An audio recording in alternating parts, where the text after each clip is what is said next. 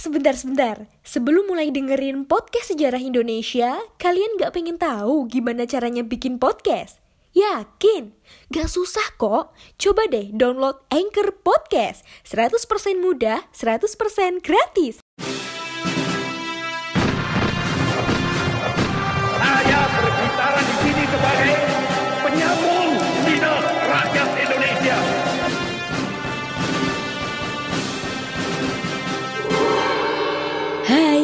Kalian sedang mendengarkan Poseidon, podcast sejarah Indonesia. Ngomongin masa lalu dengan gaya masa kini. Halo guys, salam sejarah and welcome to podcast Sejarah Indonesia. Podcast yang akan selalu membuat kalian gagal move on. Nah, gimana nih kabar kalian hari ini? Semoga sehat selalu ya. Dan jangan lupa tetap bahagia. Tidak lupa saya mengingatkan teman-teman untuk selalu mematuhi protokol kesehatan di mana pun kalian berada, seperti memakai masker, menjaga jarak, serta mencuci tangan menggunakan sabun. Hal ini mari kita lakukan bersama-sama supaya pandemi cepat pergi dari muka bumi. Nah, kali ini kita akan membahas mengenai Mesir kuno nih. Mesir kuno itu merupakan salah satu peradaban yang ada di Afrika kuno. Nah, kira-kira apa sih yang terlintas di pikiran kalian ketika mendengarkan kata Mesir kuno? Mumi, seperti yang ada di film-film, atau kitab kematian, atau bangunan-bangunan besar seperti piramidnya, atau jangan-jangan terkait dengan teori-teori aliennya. Menarik bukan? So, jangan berlama-lama buat kamu yang penasaran. Ini dia pembahasannya. Mesir kuno adalah peradaban Afrika yang dianggap kuno di kalangan negeri-negeri kuno itu sendiri. Mesir telah menjadi peradaban yang besar bahkan seribu tahun sebelum orang Minos di Pulau Kreta membangun istananya di Kronosos. Mesir juga telah berkembang subur bahkan di saat suku utara Tigris masih tinggal di gubuk-gubuk. Jadi kebayang bukan gimana majunya peradaban Mesir kuno ini dibanding negeri-negeri yang lainnya. Raja-raja yang berkuasa di Mesir kuno disebut sebagai Fir'aun atau Paraoh. Jadi Fir'aun itu bukan nama raja ya, melainkan gelar yang diberikan kepada raja yang berkuasa di Mesir kuno. Fir'aun memerintah secara otoriter, yaitu menentukan keadilan dan keputusannya yang merupakan sumber hukum tertinggi dan pembuat undang-undang. Kekuasaannya ini memang dianggap sebagai kekuasaan yang mutlak, sebab ia dianggap sebagai setengah dewa. Bahkan rakyatnya menjulukinya sebagai dewa raja. Namun, dalam hal kekuasaannya, Fir'aun juga dibantu oleh beberapa orang. Yang pertama adalah wazir. Nah, wazir ini tugasnya sebagai pengawas pertanian, pemegang stempel raja, pengawas pajak, dan sebagainya. Seringkali jabatan ini itu diambil oleh putra raja sendiri. Nah, tujuannya apa? Tentu saja sebagai ajang untuk berlatih mengurus pemerintahan sebelum ia nanti menduduki tahta rajanya. Kemudian, ia juga dibantu oleh seorang imam agung. Nah, tugasnya imam agung ini apa? Tentunya sebagai pengurus kuil dan tempat pemakaman raja. Yang ketiga ada tentara milisia. Nah, tentara milisia ini e, merupakan tentara tidak profesional yang dikomando oleh para bangsawan. Tugasnya mereka yaitu untuk melindungi rakyat atau melindungi raja. Nah, mereka ini merupakan rakyat biasa yang disepersenjatai dan dipanggil apabila ada bahaya saja. Oh iya nih, berbicara mengenai zaman Mesir kuno, ternyata ada yang unik nih. Jadi zaman Mesir kuno itu tidak berjalan satu babak, melainkan ada pembabakan-pembabakannya. So, kita bahas dari yang paling tua dulu, yaitu zaman kerajaan Mesir kuno. Zaman kerajaan Mesir kuno ini berkisar antara tahun 3400 sampai 2160 sebelum Masehi. Zaman kerajaan Mesir kuno dimulai sejak pemerintahan Fir'aun Menes, yaitu Fir'aun yang berhasil menyatukan Mesir Hulu dengan Mesir Hilir Pusat pemerintahannya terletak di Memphis, dan juga ada raja lainnya seperti Chufu atau Cheops, Chefren, dan Menkaure. Pada masa pemerintahan mereka, kebudayaan Mesir kuno berkembang sangat pesat. Fir'aun Pepi yang berkuasa sekitar tahun 2500 sebelum Masehi sering melakukan peperangan dengan tujuan untuk melindungi perdagangan dan memperoleh budak untuk membangun istana dan piramid. Bahkan Syria dan Palestina yang saat itu menjadi pusat perdagangan itu berhasil dikuasainya. Sedangkan Sudan dan Abyssinia direbut untuk memperoleh budak. Setelah Raja Pepi II meninggal, kemudian Mesir itu tiba-tiba mengalami kemunduran. Nah, kemunduran ini bukan tanpa sebab, melainkan disebabkan oleh adanya perebutan kekuasaan oleh para bangsawan dan serangan bangsa asing. Nah, kita masuk ke yang lebih menengah nih, yaitu zaman Mesir Pertengahan sekitar 2160 sampai 1788 sebelum Masehi. Seorang raja dari TB yang bernama Sesotris III berhasil mempersatukan kembali Mesir pada tahun 1880 sebelum Masehi. Nah, kemudian ibu kota yang sebelumnya dipindahkan ke TB juga. Sesotris III kemudian memperluas wilayahnya sampai ke Palestina dan Sudan. Nah, pertanian dan perdagangan pun berhasil dipulihkan kembali.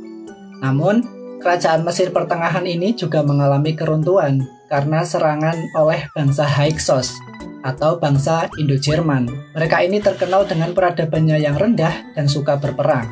Bangsa Hyksos berhasil menduduki delta timur Sungai Nil dan mendirikan pusat pemerintahan di Awaris. Dari daerah tersebut, akhirnya mereka berhasil menguasai Mesir dan Palestina. Nah, yang ketiga yaitu zaman Mesir baru, sekitar 1500 sampai 1100 sebelum Masehi.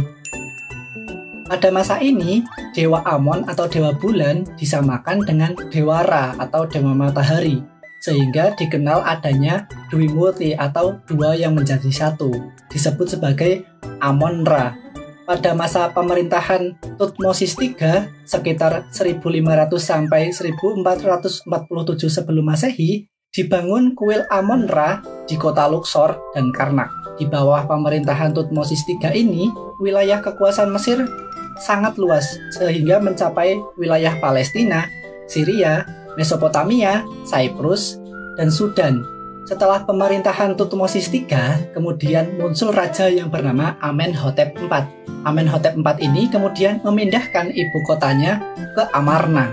Ia juga berupaya mengubah dewa utama, yaitu Amon-Ra, dengan dewa Anton yang digambarkan sebagai bulatan matahari. Dewa tersebut selain dipuja oleh orang Mesir, juga kemudian dipuja oleh bangsa lain, sehingga sifatnya lebih universal kepercayaan kepada Dewa Anton ini juga mengarah kepada kepercayaan yang bersifat monoteisme atau satu dewa.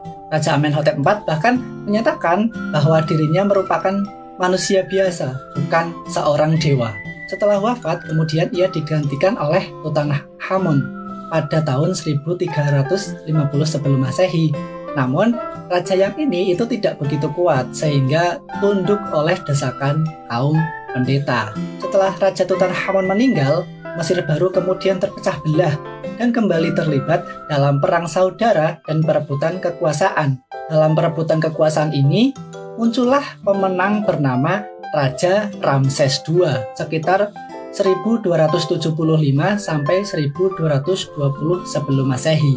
Ia kemudian mendirikan bangunan besar yang diberi nama sebagai Ramesium Raja tersebut dikenal karena penindasannya terhadap bangsa Israel. Jadi, dia itu terkenal kekejamannya atau penindasannya kepada bangsa-bangsa yang lain. Namun, setelah berakhirnya kekuasaan Ramses II, Mesir menjadi rebutan oleh bangsa luar. Nah, secara bergantian, bangsa-bangsa yang pernah berkuasa di Mesir antara lain itu seperti bangsa Libya, Abyssinia, Assyria, Persia, Makedonia, dan Romawi. Ketika dikuasai oleh bangsa Makedonia atau Yunani, Mesir kemudian menjadi terkenal dalam sejarah, terutama saat diperintah oleh ratu yang sangat cantik, yaitu Ratu Cleopatra, sekitar 66 sampai 30 sebelum Masehi. Itu tadi pembabakan zaman dari kuno, menengah sampai baru.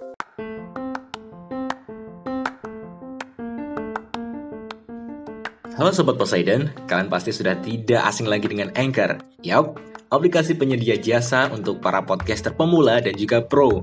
Buat kalian yang pengen mulai nge-podcast, langsung download aja Anchor di App Store ataupun di Play Store.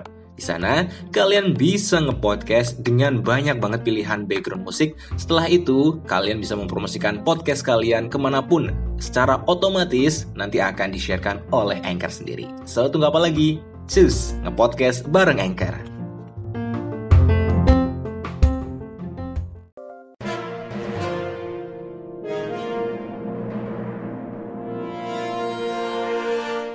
Hai teman-teman, saatnya kita masuk di segmen History Flash.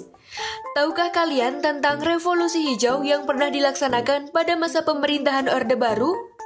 Rancangan program ini ternyata sudah dimulai pasca Perang Dunia Pertama dengan terlebih dahulu diilhami teori Malthus tentang pertumbuhan penduduk. Kendaraan dengan mesin baru muncul setelah abad ke-18, tapi pada saat itu mesin yang digunakan masih berupa mesin uap. Kendaraan bermesin uap ini mulai digunakan sejak 1870-an oleh tentara Perancis. Mesin uapnya juga masih terdiri dari tiga roda penggerak. Kecepatannya cuma secepat manusia saat berjalan. Terlahir sebagai pria berdarah biru dengan gelar bangsawan dari Kadipaten Pakualaman, Ki Hajar Dewantara memilih keluar dari istana dan melepas gelar kebangsawanannya demi menggeluti dunia pendidikan. Demikian History Flash, kita ketemu di episode berikutnya. Jangan lupa untuk selalu mematuhi protokol kesehatan, memakai masker, mencuci tangan, dan menjaga jarak ketika harus beraktivitas. Saya Aulia pamit.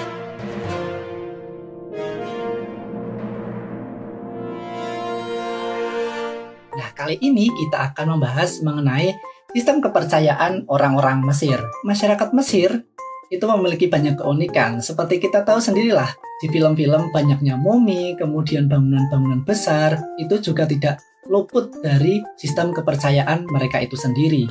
Masyarakat Mesir itu memuja banyak dewa atau disebut juga sebagai politeisme. Semua yang terjadi di dalam kehidupan mereka itu atas kehendak dewa. Namun sebelum munculnya Fir'aun, masyarakat Mesir itu terlebih dahulu memuja hewan atau totemisme. Sehingga banyak sekali nanti dewa yang digambarkan dalam wujud binatang. Namun selain memuja binatang, ada juga dewa yang berasal dari kekuatan alam lain, yaitu yang pertama ada dewa Ra atau dewa matahari. Nah, dewa ini tuh merupakan dewa yang paling dihormati, yaitu dipuji sebagai dewa pelindung, dewa keadilan, dan penjunjung moral. Untuk melakukan pemujaan, masyarakat Mesir membangun obelis. Nah, obelis ini bangunan yang berbentuk tugu, tinggi, dan runcing di bagian atasnya. Dalam perkembangannya, Ra kemudian dikenal sebagai Amon Ra, sebagai Dwi Murti. Yang kedua yaitu Dewa Osiris. Dewa Osiris ini merupakan putra dari Dewa Ra. Ia dipuji sebagai dewa kehidupan, dewa alam, banjir, gandum, dan alam arwah. Yang ketiga yaitu Dewa Isis. Nah, Dewa Isis ini merupakan istri Dewa Osiris. Ia dipuji sebagai Dewi Sungai Nil atau Dewi Kesuburan. Itu tadi dewa-dewa yang mereka percayai. Namun, di samping kepercayaan mereka terhadap dewa-dewa, orang Mesir juga percaya bahwa roh orang yang meninggal itu akan tetap utuh jika jasadnya mereka masih utuh. Oleh karena itu, kita sering kali melihat orang-orang uh, yang sudah meninggal di sana itu dilakukan pembalasaman atau proses pemumian karena kepercayaan mereka ya tadi jasad mereka utuh, maka roh mereka akan tetap utuh. Bahkan ada juga kepercayaan yang menyatakan bahwa harta yang mereka bawa ketika mereka meninggal itu akan menyelamatkan mereka di alam selanjutnya atau di alam arwah. Sehingga sering kali kita menemukan orang-orang yang mati atau raja-raja yang meninggal itu dikubur bersama harta bendanya. Namun berbicara masalah kepercayaan tidak asik rasanya kalau kita tidak membahas seni bangunannya. Seperti yang kita ketahui bahwa bangunan-bangunan Mesir itu sangat megah dan besar-besar. Bangunan yang pertama itu ada yang disebut sebagai mastaba Mastaba merupakan bangunan penguburan yang berbentuk menyerupai bangku, namun bagian atasnya itu datar dan sisinya miring. Dan agar lebih indah, mastaba itu kemudian dihiasi oleh ornamen-ornamen pola geometrik. Yang kedua yaitu piramida. Piramida ini sudah tidak asing lagi lah ya bagi para pendengar, yaitu bangunan besar berbentuk segi empat kerucut yang terbuat dari batu-batu besar. Nah, fungsinya yaitu untuk menyimpan jenazah para raja. Dan sekedar fakta atau for your information, piramida yang paling besar yaitu piramida Giza, di mana ini dijadikan tempat makam Raja Cheops. Yang selanjutnya yaitu ada kuil dan sphinx. Sphinx itu apa sih? Nah, sphinx itu merupakan patung besar berbadan singa, berkepala manusia. Ini bukan tanpa makna, melainkan ada filosofinya, yaitu melambangkan seorang Fir'aun yang berbadan kuat seperti singa, namun memiliki kebijakan seperti manusia. Jadi, ketika bangunannya saja sudah mewah dan megah seperti itu, tentu mereka sudah memiliki ilmu pengetahuan yang tinggi pula kan. Orang-orang Mesir sudah memiliki ilmu pengetahuan seperti astronomi, matematika, dan kedokteran. Dalam bidang astronomi, mereka sudah menemukan teknologi kalender sehingga dapat mengetahui bulan dan tahun serta menggunakannya untuk pertanian dan perencanaan irigasi di Sungai Nil. Di bidang matematika, mereka juga sudah bisa menggunakan operasi hitung seperti penjumlahan, pengurangan, perkalian, dan pembagian meski dengan cara-cara yang lebih rumit. Nah, sedangkan di bidang kedokteran itu sudah ditemukan catatan-catatan kertas atau papirus yang berisikan ilmu-ilmu tentang pembedahan dan kedokteran lainnya. Tulisan-tulisan yang berada di papirus tersebut itu menggunakan aksara-aksara hieroglif. Bahkan dulu itu ketika Napoleon Bonaparte memimpin pasukan Prancis menyerbu dan menduduki Mesir, Nah, salah seorang anak buahnya itu menemukan batu besar berwarna hitam di daerah Rosetta. Benda tersebut kemudian diangkut ke Prancis dan menjadi koleksi Napoleon. Kemudian, setelah 14 tahun tulisan tersebut berada, kemudian terbaca oleh Champoleon. Nah, batu tersebut ternyata menggunakan aksara tadi yang saya sebutkan, Hieroglif, dan berisikan pujian-pujian terhadap Ptolemeus. Nah itu dia pembahasan kita pada episode kali ini Gimana menyenangkan bukan? Dan sangat menarik tentunya Ngobrolin masalah Mesir itu tidak akan ada habisnya Ada kita akan bisa membahas piramid Kita bisa membahas mumi-muminya Bisa membahas raja-rajanya Bahkan tadi teori-teori terkait dengan aliennya So, apakah alien itu memang ada sangkut pautnya terhadap kebudayaan Mesir kuno? Who knows, nggak ada yang tahu ya. Oke, itu saja. Stay safe, stay healthy, and stay happy. Dan jangan lupa follow akun sosial media kami di @podcast underscore sejarah Indonesia. Terima kasih dan sampai jumpa kembali di episode minggu depan. Bye-bye. Terima kasih.